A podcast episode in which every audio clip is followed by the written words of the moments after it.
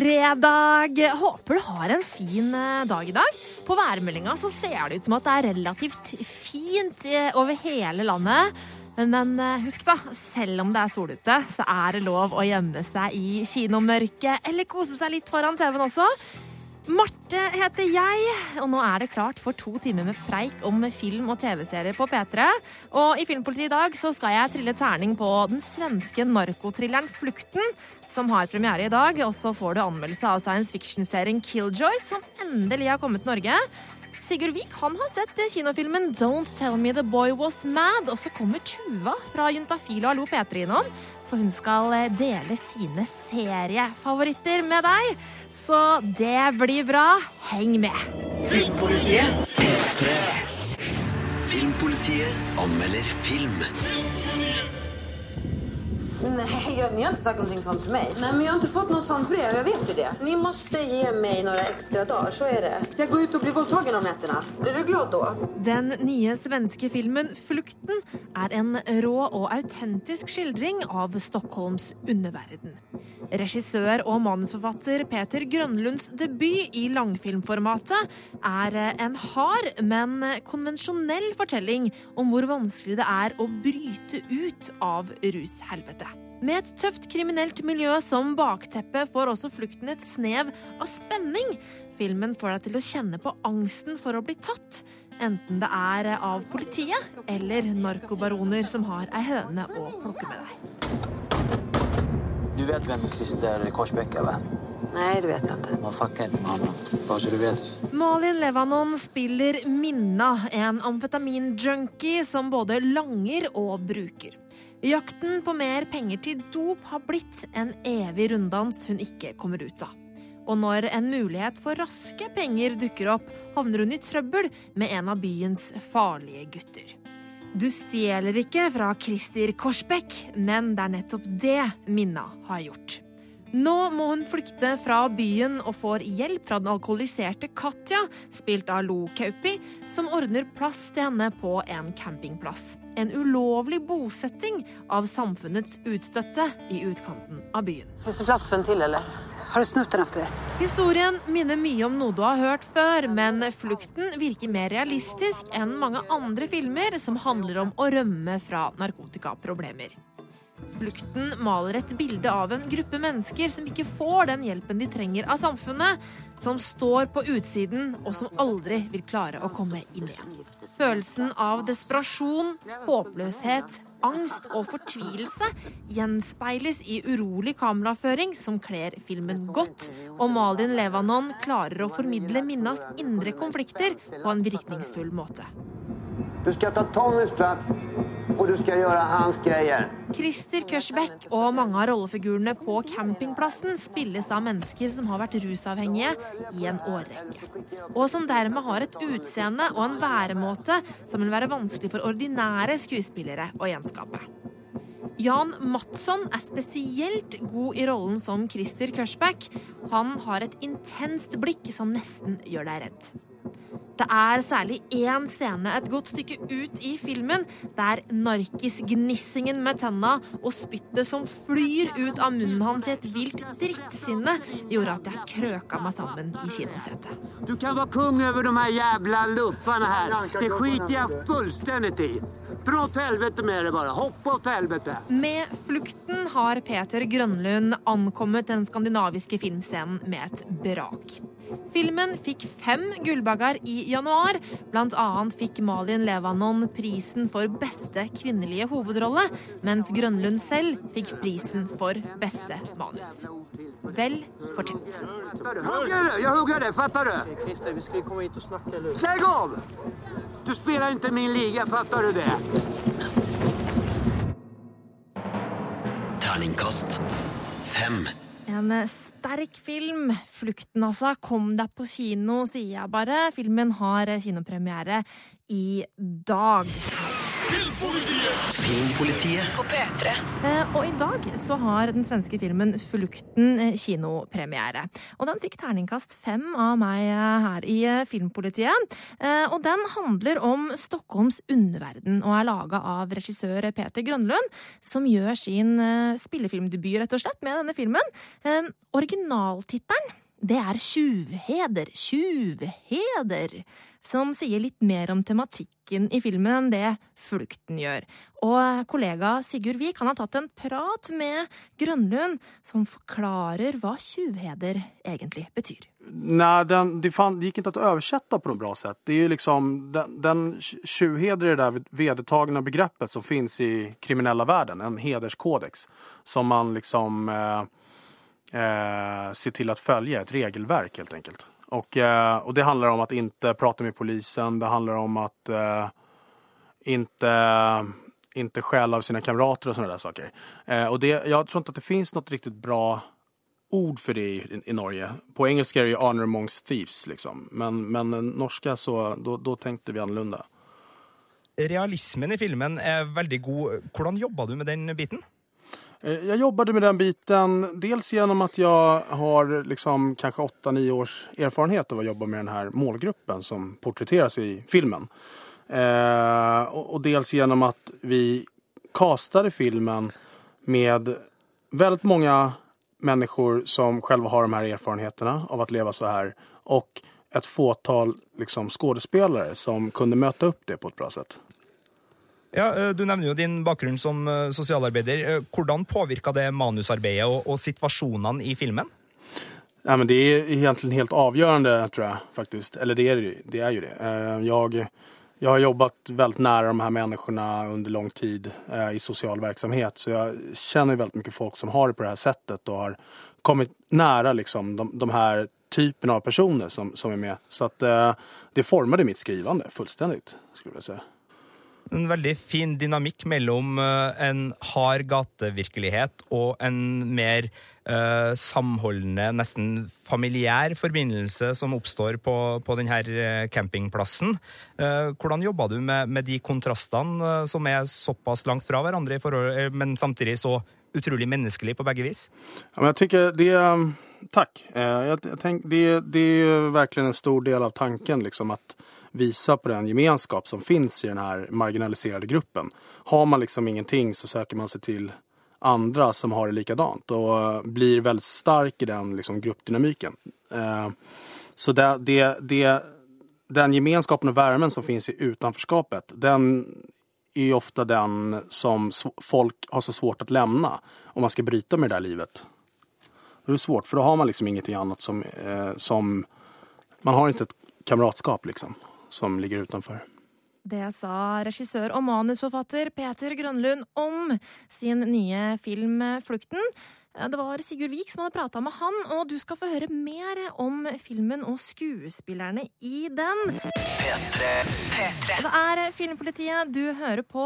Jeg heter Marte, og akkurat nå så handler det om den svenske narkotrilleren Flukten eh, i Filmpolitiet nå. Eh, og det som er en ting man kan legge merke til i den filmen, det er hvor realistiske skuespillerprestasjonene er. Eh, For eh, regissør Peter Grønlund han har selv jobba som sosialarbeider i Stockholm i mange år. Og han fant mange av skuespillerne han ville ha til filmen, blant amatører som hadde levd det, det harde livet han ville vise frem for publikum.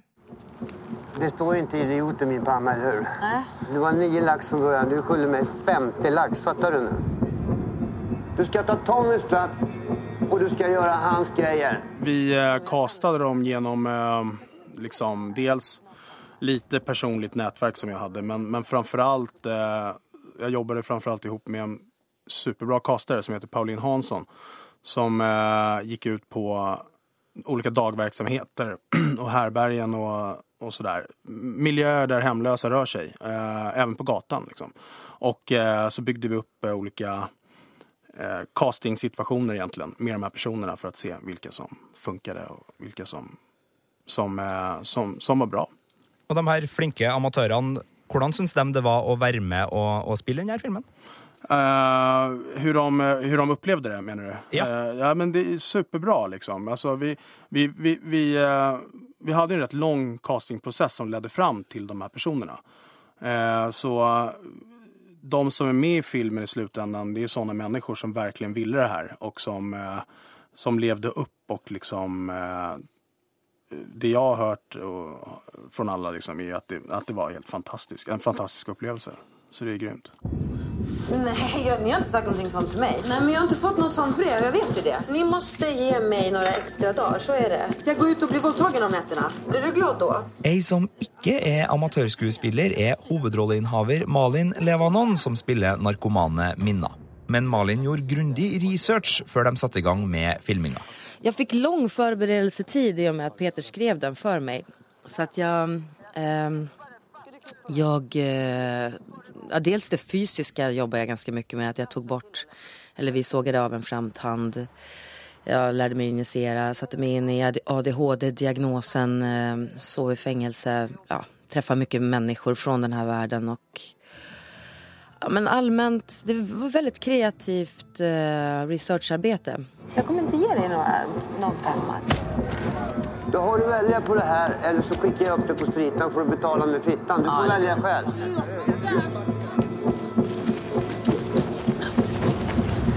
Du hørte regissør Peter Grønlund og skuespiller Malin Levanon som snakka om skuespillerne i Flukten. Reporter, det var Sigurd Vik. Filmpolitiet anmelder TV-serie. We offer one simple service to all of our clients. Our agents are guided by one principle, one code. What is that code? The warrant is all. God science fiction-underholdning er aldri noe vi får nok av på TV. Eh, Jeg så derfor med stor iver frem til at Killjoys skulle bli tilgjengelig i Norge. Nå er hele den første sesongen lagt ut hos HBO Nordic, og serien sikter seg inn på et publikum som ønsker seg 40 minutter med enkel underholdning. Her er det mye action og pene skuespillere, vittighetene er mange, og tempoet er høyt. Det er eh, ganske morsomt, men serien mangler sjelen og nerven som kunne gjort den virkelig interessant. Killjoys tar oss med til Quad, et planetsystem langt, langt borte, i en tid der de rike har det fint og de fattige er undertrykt. Makta er det selvsagt et skummelt multiplanetarisk konsern som sitter med. Vi følger de tre dusørjegerne Dutch, spilt av Hannah John Cayman, og brødrene John og Davin, spilt av Aaron Ashmore og Luke McFarlane, og deres jakt på kjeltringer i Quad. Samtidig som de prøver å unngå å bli trukket inn i klassekrigen, som er i ferd med å bryte ut. Serien følger den kjente malen med avsluttende handling i hver episode, samtidig som en rød tråd binder det hele sammen. Dutch har en mørk fortid som er i ferd med å innhente henne. Davin lider av posttraumatisk stress, mens John sliter med sin vanskelige barndom. I need your help. Whatever you're in, we're in. Hannah John Cayman er tøff i rollen som den hardbarka, men sensuelle Dutch. Hun og Aaron Ashmore, som ikke må forveksles med sin mer berømte tvillingbror Sean Ashmore, kjent fra X-Men, har god kjemi på skjermen. Og vennskapet deres virker derfor troverdig og fint. Litt verre er det med Luke McFarlane, som ikke alltid har like god komisk timing når han skal levere vittigheter som 'Let's find some treasure and blow shit up' før gjengen skal ut i ilden. Humoren passer stort sett fint med seriens campete stil, men jeg får stadig følelsen av at skuespillerne prøver litt for hardt. Take down a notch. Killjoys er ikke en serie som får deg hekta umiddelbart. 40 minutter er litt for lite til å etablere et fiktivt univers med egne lover og regler, samtidig som seriens rollefigurer skal introduseres. Men i sesongens andre halvdel, når jeg har blitt litt bedre kjent med rollefigurene, begynner det å svinge av serien. Så hvis du er ute etter lettbeint moro som kan mette sci-fi-behovet en smule, så skal nok Killjoys klare å underholde deg. If you want more of that, come be a killjoy. Terningkast fire. Skal godt gjøres å bli lei science fiction, altså. Det er faktisk ikke mulig, tror jeg. Eh, Jeg har altså da sett den første sesongen av Killjoys, og den ligger tilgjengelig hos HBO Nordic. Og så kommer det nye episoder da, vet du, fra sesong to hver lørdag fremover. Eh, Og det er jo en del som har sett denne serien allerede, og hvis du klikker deg inn på p3.no skråstrek filmpolitiet, så kan du si din mening om, eh, om, filmen, om filmen, om serien, i kommentarfeltet på anmeldelsen der. Det har eh, Vegard gjort. Han skriver Killjoys er ikke så verst, men merker at den har dårligere produksjon eh, sammenligna med Dark Matter og The Expanse, som han syns er blant de bedre av det som har kommet av sci-fi det siste tiåret. Så ta og diskuter litt, da. Vi i Filmpolitiet vil gjerne vite hva du mener om det vi anmelder. p3.no skråstrek filmpolitiet, altså. Dette er Filmpolitiet. Filmpolitiet på P3. Hvor det nå skal handle om ukas nyheter.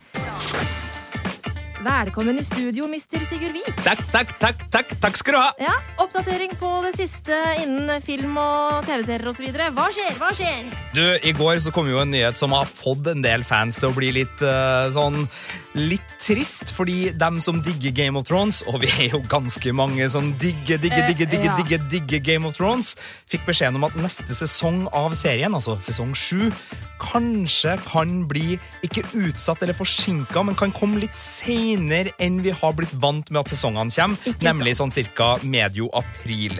Ja. Og det er jo fordi Winter is coming. Vi skal Ja. ikke spoile noe her, men altså, vi vet nå at Winter is coming. Det har vi fått vite i seks sesonger, og Ja. nå på slutten av sesong seks så kom jo vinteren. Den gjorde det. Det kom til og med noe snøfnugg, altså. Eh, og da skjønner jeg jo at eh, Altså, det kan jo ikke, De kan ikke fake snø. Det blir for dumt. Så det, Det- må utsette, rett og slett, for å få ordentlig vinter. Ja, Pluss at også der det er varmt, sånn som i Kings Landing, for dem som er in the know, Mhm. eh, der skal det jo også bli litt sånn tilløp til vinter. Og du har jo vært der de filmer, Ja, Marte. I Dubrovnik. Jeg var der i august. Det var dritvarmt. Og jeg veit at de har pleid å spille den i Dubrovnik i oktober fordi at den varmen skal være tålelig. Så for at det skal bli liksom kjølig der, så tipper jeg vi må ut eh, til eh, november eller noe sånt, altså. Den er god, men vi er ikke deppa. Nei, vi er bare klar over at det tar litt lengre tid. Ja. Jon Carew, kjenner du til han, Marte Henstad? Han har jeg hørt om. Fotballspiller, kjent som det. Mm. Nå også skuespiller! Han har jo spilt i én film allerede. Høvdinger. Uh, han, uh, altså jeg, ikke, jeg var ikke superimponert, men han var helt grei. Nå er han klar for det som ser ut til å være hovedrollen i en film som skal hete Black Frost, og som skal spilles inn i Norge med et budsjett på 200 millioner. Eh, karakteren er en blanding av James Bond og Jason Bourne, bare med litt mer sjarm, eh, sier Jon Carew til Aftenposten, som har eh, et intervju med den kommende eh, skuespilleren, og sier også at inspirasjonen er helt klart Mission Impossible. Ok, Så han skal måle seg med Tom Cruise, altså. Ikke dårlig ambisjonsnivå Ja, på si. Carew der. Ja, Og veldig stort budsjett på denne filmen, eh, så vidt jeg forsto. Veldig stort, 200 millioner. Det er sånn ca. fire Max Manus-filmer. Eller en sjettedels Mission Impossible, da, hvis man skal sette opp i internasjonal målestokk. Ja, Skal filmes i Norge. Og så er det jo sånn at Winnie Jones har klart det. Fra fotball Ja. til film. Det er mulig. Filmpolitiet På P3. Ja, Sigurd, eh, vi er fortsatt på nyheter. Ukas eh, sådan. Spill og film og TV-serier. Ja, og, og, og ikke minst Eller nei, Ikke minst, vet du hva? Det har vært en sånn skikkelig norsk eh, nyhetsboom de siste dagene. Vi snakka Ja. om at Jon Carew skal til filmen eh, igjen eh, rett før eh, forrige låt. Mhm. Nå har også VG et intervju med Atle Antonsen, hvor det kommer frem at han driver og jobber med en oppfølger til eh, filmen Norske byggeklosser. og som Altså, det er jo en skikkelig god, gammel slager med Ralf Wesenlund i mange roller. Ja, den er fra 1972 og har nå avdøde Rolf Wesenlund i masse roller. Det handler om en fyr som driver og bygger et hus, og så kommer Rolf Wesenlund både som naboen som driver og flirer over hvordan det ser ut, og han kommer som byggeinspektøren for å liksom inspisere og slå et sånn ninja sånn Haja! Slag i veggen, og så ramler ned ei dør bak den, og så sånn Nei, det her er ikke forskriftsmessig Jeg husker ikke hva han heter, han eh, som eh, men kjempeartig forviklingskomedietype der. Og det er en film Atle Antonsen liker veldig godt, tydeligvis, og har sammen med Arild Frølich, som han jobba sammen med på Grand Hotell, tenkt å lage en film. Finansieringa er visst ikke i orden, men Nei. manus er visst skrevet. Ja. Det skal ikke være en remake, men en oppfølger. Jeg har litt trua, for jeg liker Atle Antonsen. Jeg syns han er en fyr som behersker mange fasetter av komikken. Eh, og det her kan bli veldig artig å se han Hvis han da skal være i mange roller, Åh, gleder meg. Ja, det blir artig, altså. Men det skal fortsette å handle om eh, oppfølgere her nå. Ja, for vi har jo blitt belemra med oppfølgere det siste tida. Uh, altså Det er så mye nå som er av, fra Hollywood, som enten er franchiser eller oppfølgere. Vi hadde Mm. Independence Day, vi får Ghostbusters, Oppdrag Nemo Det er får sin Finding mye, Dory. det Altså Det er er mye. massevis. Men Pixar nå har et lite gledens budskap. De skal prioritere originale filmer. Si uh, hva han heter da, Morris, uh, som er Jim Morris, ja, som er company president der. Han Ikke sier sant. at framover nå så skal det komme én originalfilm hvert år, og én oppfølger kun annethvert år. Så de skal fortsette med oppfølgerne, sånn som Finding Dory, som kommer på kino her i Norge litt senere i sommer, men de skal prioritere originalt innhold, og det er litt godt å høre. Ja, Det er veldig bra, for da fortsetter det ikke bare på det der vante og kjente som man liksom regner med at dette her kan vi tjene mer penger på. Franchise-sjuka. Ja, fader ullan, altså. Få på noen originale greier. Ja. Men det her gjelder ikke norske byggeklosser, altså. Nei, Den oppfølgeren ser vi nei. Ja, ja, ja, ja, Det er forskjell på oppfølgere. Det fins dårlige, og det fins bra. Oh, ja, ja, ja, ja, ja, ja. Tusen takk, Sigurd, for ukas nyheter her på P3. Filmpolitiet. Does that sound good to you? På P3. Sommertid er ferietid, og det betyr at det er eh, masse deilig tid man kan bruke til å se f.eks. masse TV-serier. Eh, Og i sommer så får vi i Filmpolitiet hjelp av eh, masse gode P3-kolleger som skal hjelpe oss med å anbefale hvilke serier du bør se på i sommer. Og en av dem er deg, Tuva Fellmann fra Hallo P3 og Juntafil. Velkommen. Tusen takk skal du ha. Så trivelig at du kunne komme og dele dine seriekunnskaper med oss. Ja, jeg har aldri vært gjest hos Filmpolitiet, så dette føler jeg er litt sånn da, da, da. Jeg er litt stolt. Ja, en gang må jo være den første, sant? Ja, ja, ja, ja. Ah, trivelig, altså. Eh, men Tuva, eh, ser du mye serier, eller? Jeg ser en god del serier, men jeg er en sånn type som gjerne ser seriene om igjen. Å ja, det er Um, det. ja, jeg er veldig glad i å se ting som jeg har sett før. Ok, Uh, jeg Som sånn- for eksempel da, hva da, liksom? Ja, nå, det er en av de seriene jeg skal anbefale. Oh. Uh, har jeg sikkert sett i uh, hvert fall fem ganger. Såpass, ja. Det er mye. Samtlige sesonger. Ok, Jeg er litt sånn, jeg er sånn på sex og singelliv. Den eh, har jeg sett Ja, jævlig mange Ikke ganger. sant? Om du bare sitter og ser på det, Modern Family kan jeg også sitte og se på om og om og om igjen. Men, Um, men er du en binger? Altså, ser du da masse på rad, eller, eh, eller sprer du det litt mer sånn utover? Nei, jeg sprer litt utover, fordi jeg eh, er ofte veldig trøtt. Jeg er sånn som trenger veldig mye søvn. og jeg begynner jo seint på jobb hver eneste dag, Ja. så jeg pleier vel å få inn en sånn ti timers søvn hver dag. Så selv om jeg sover til sånn 10-11 på morgenen, så klokka liksom Klokka ti på kvelden, ja, da er jeg så trøtt at jeg klarer liksom bare én episode før jeg sovner.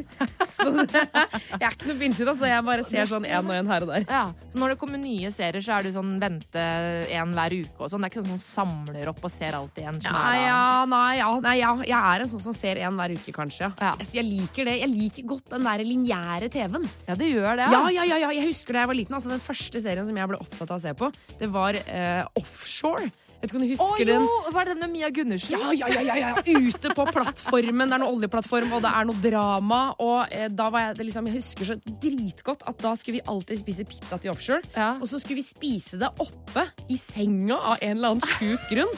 Og så hadde vi bare sånn dårlig antenne. Vi fikk bare inn i NRK og TV 2. Så da var det én som var ansvarlig for å lage pizzaen. Det var som oftest mamma. Og så var det én som var ansvarlig for å liksom fikse alle tallerkener og sånne ting. Det var Sara, søsteren min. Og så var det en som fikk ansvaret for å ta og få til antenna klar. Sånn at det ble bra signal. Ja, og det brukte man gjerne en time på. da Så da satt vi liksom oppi der, og da hadde noen fiksa antenna, og da var det offshore, og det var helt king Ja. kong. Så det var den første serien du ble hekta på? Ja, ja, ja. Det, vi så, hver søndag. Altså, Ja. det, det, vi, det kunne ikke skje noe annet. Vi måtte se offshore, liksom. Men hva er serien du har vært aller størst fan av i ditt liv? da? Mm, jeg tror kanskje det er The Wire. Det Ja. er nok min liksom all time high altså, så, I hvert fall sånn i- liksom Ikke sånn overfladisk. Den mener jeg er skikkelig, skikkelig dritbra. da Eh, Så jeg tror kanskje The Wire går Ja. eh, på min favorittserie. Og da snakker vi alle sesongene, eller? Ja, eh? jeg syns den derre havnesesongen Ja. den, den fikk jeg ikke helt inn, liksom. Den klarte jeg ikke, klarte, jeg ikke helt den, den der.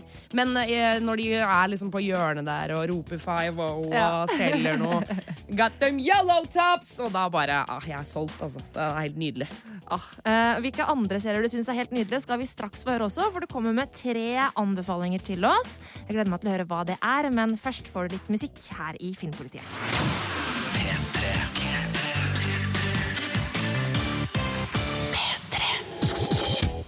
I sommer så får Filmpolitiet hjelp av gode kolleger her i P3 som skal anbefale noen serier som vi bør få med oss og se og bruke tid på i sommerferien. Tuva Fellmann, før eh, låta her nå så hørte vi at eh, du ikke er en binsjer, men du er liksom glad i den eh, gode, gammeldagse lineære TV-en. Ja, det høres ut som jeg er 80 år gammel! Så rart! Men, men hvilke TV-serier er det du mener at vi som hører på nå, bør liksom få med seg? Og kanskje er det noe gammelt? Er det noe nytt? Er det noe som går nå? Altså, jeg er jo ikke, eh, som, som du sikkert hører, da, ikke den mest oppdaterte personen som fortsatt ser liksom, ting på søndager. Men eh, en av de seriene som jeg faktisk, faktisk bincha litt, Ranne, det var The Leftovers, eh, som er på HBO. Eh, som handler om at det er vel 4% av jordas befolkning eller sånn forsvinner. Jeg husker altså, Det var Remi som jeg gjorde sammen med produsenten min, som foreslo denne serien for meg. Og jeg bare Sorry, ass, jeg gidder ikke å se en eller annen serie hvor folk forsvinner fra jorda. Gå hjem og legg deg, liksom. Den er så sjukt spennende! Ja, den er dritspennende. Den er fan av sjæl, ass. Ja, ja, ja, men andre sesong ikke så god. Enig. Så bare, hold deg til første sesong, vær fornøyd med det du får der, Ja. og så trenger du ikke å se toeren, liksom. Nei, jeg er enig, for det er et eller annet, men er det ikke noe sånn Altså, det der mystiske greia, så man får egentlig kanskje ikke så mye svar på ting. Altså, hva syns du om det at det det er et sånt kjempemysterium, og så er det liksom ikke så mye sånn man egentlig får vite? Nei, de får liksom ikke noe Det, det- kommer ikke frem hvorfor de blir borte. Det er kanskje spoiler alert, men, eh, ja, men uansett. Altså, jeg fikk jo vite i etterkant at det er samme regissør som Lost. Mm. Uh, og da sier du jo seg selv da, at det, det er noen greier som skjer. Og så, går, eh, så er det da en sånn lita klan uh, som starter opp og begynner å gå i hvite klær og røyker sigg hele tiden. Det er så jeg, Hvorfor røyker de sigg Ja! hele tiden? Hva Hvorfor skjer? har de på seg hvite klær? Ja, Hvem er disse menneskene? Ja, den må man bare se. ass. Hvis det regner ute, ta deg en dag og se den serien. Skikkelig Første sesong. mystisk og spennende. The Leftovers, altså. Ja. Veldig, bra, veldig bra anbefaling, syns jeg, Tuva. Eh, nummer to. Nummer to, da skal vi eh, til Ricky Gervais, eh, en av de seriene som jeg mener er eh, det beste han har lagd, nemlig Extras. Å ja!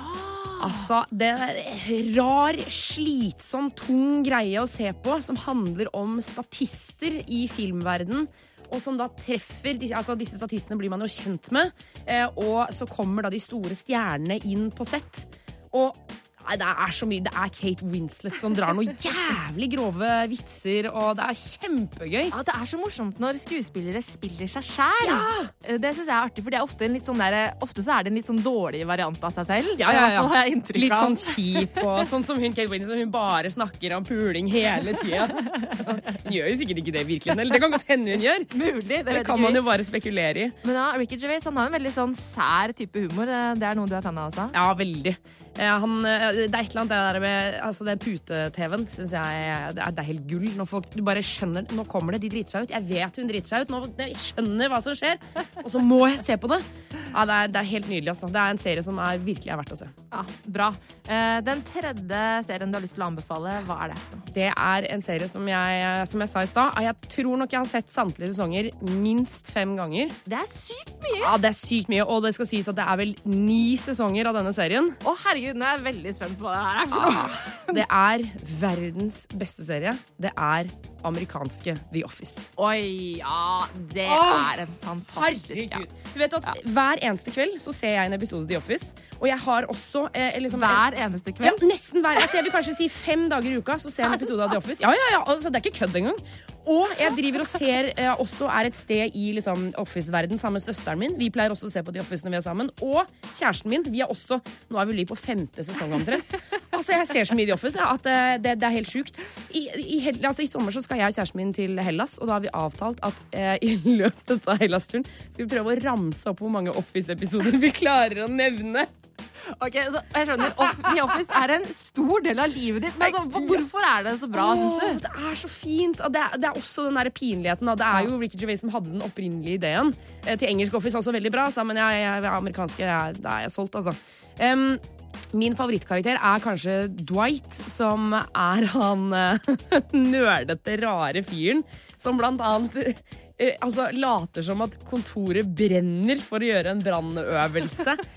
Og han driver og ligger med Angela, som bare er sånn snurpete drittkjerring. Og så er det Jim og Pam, som er kjærester, eller blir kjærester. Og det, Åh, nei, vet du hva, jeg elsker den. Mange veldig artige og veldig rare rollefigurer i en herlig miks, rett og slett. Ah, ja, ja. Og så så jeg, jeg leste, eller det var da også kjæresten min som ringte meg og sa han, herregud, har du sett at skuespilleren som han som spiller Dwight kommer til Norge? Han skulle holde et eller annet foredrag på Lillehammer, eller sånt, og da vurderte jeg helt seriøst å ta fri fra jobben for å dra og møte han. Sånn type I'm your biggest fan! Yeah, Can I get a selfie? Ja! Altså, jeg lurte på, Kan jeg stå på Gardermoen og ta han imot? Altså, jeg, hadde bare, jeg hadde gjort det hvis jeg hadde fått fri. liksom. Fordi jeg bare, jeg elsker han, og han er så rar i hodet, og han gjør så mye merkelig. Herregud, Marte, jeg elsker det! Nei, vet du hva, Nå må jeg bare ta resten av dagen. Jeg må se på Ja, så jeg skjønner, Du er glad i sær humor. Altså The Office, eh, The Extras, Ja. eh, og så en litt sånn mystisk eh, Ja, litt- The Leftovers Ja, eh, litt- på tampen der. Litt sånn Ja. skumle, katastrofeaktige ting. Jeg er veldig glad i katastrofefilmer også, så det er der, er der Leftovers kommer inn. da. Herlige sommeranbefalinger fra deg, Tuva. Tusen takk for at du kom i studio. Takk for at jeg fikk komme. Filmpolitiet.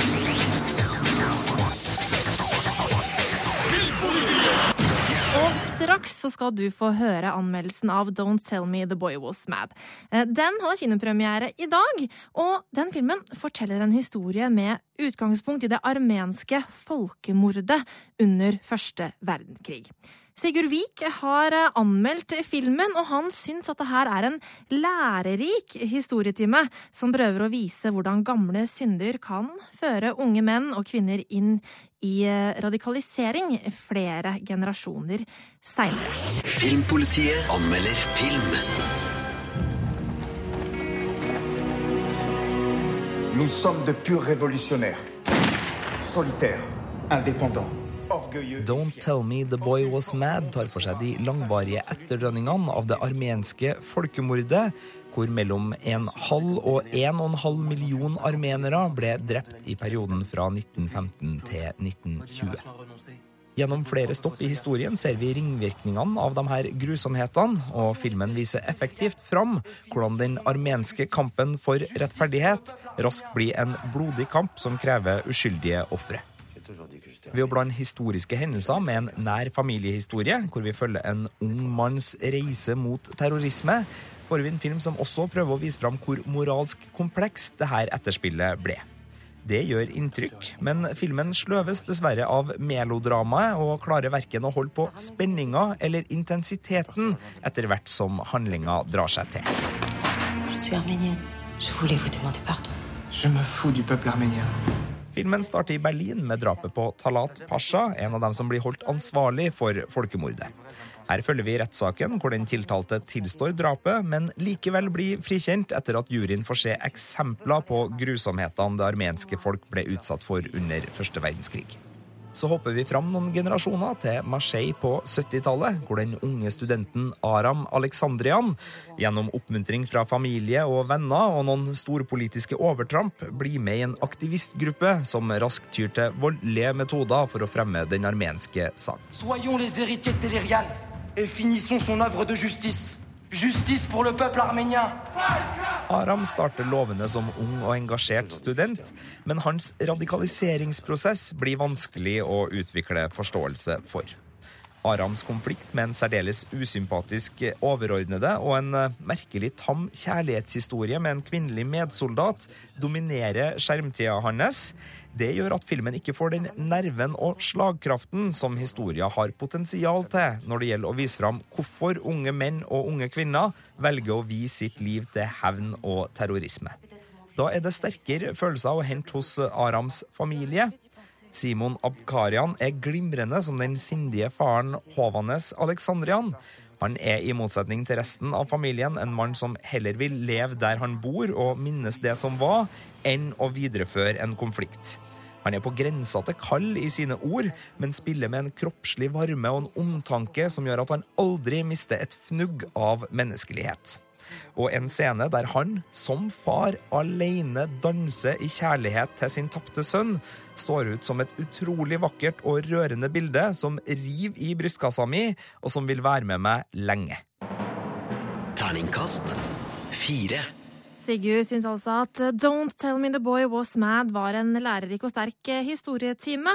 Og du kan lese hele anmeldelsen til Sigurd hvis du klikker deg inn på p3.no skråstrek filmpolitiet. Hør flere podkaster på nrk.no podkast. P3.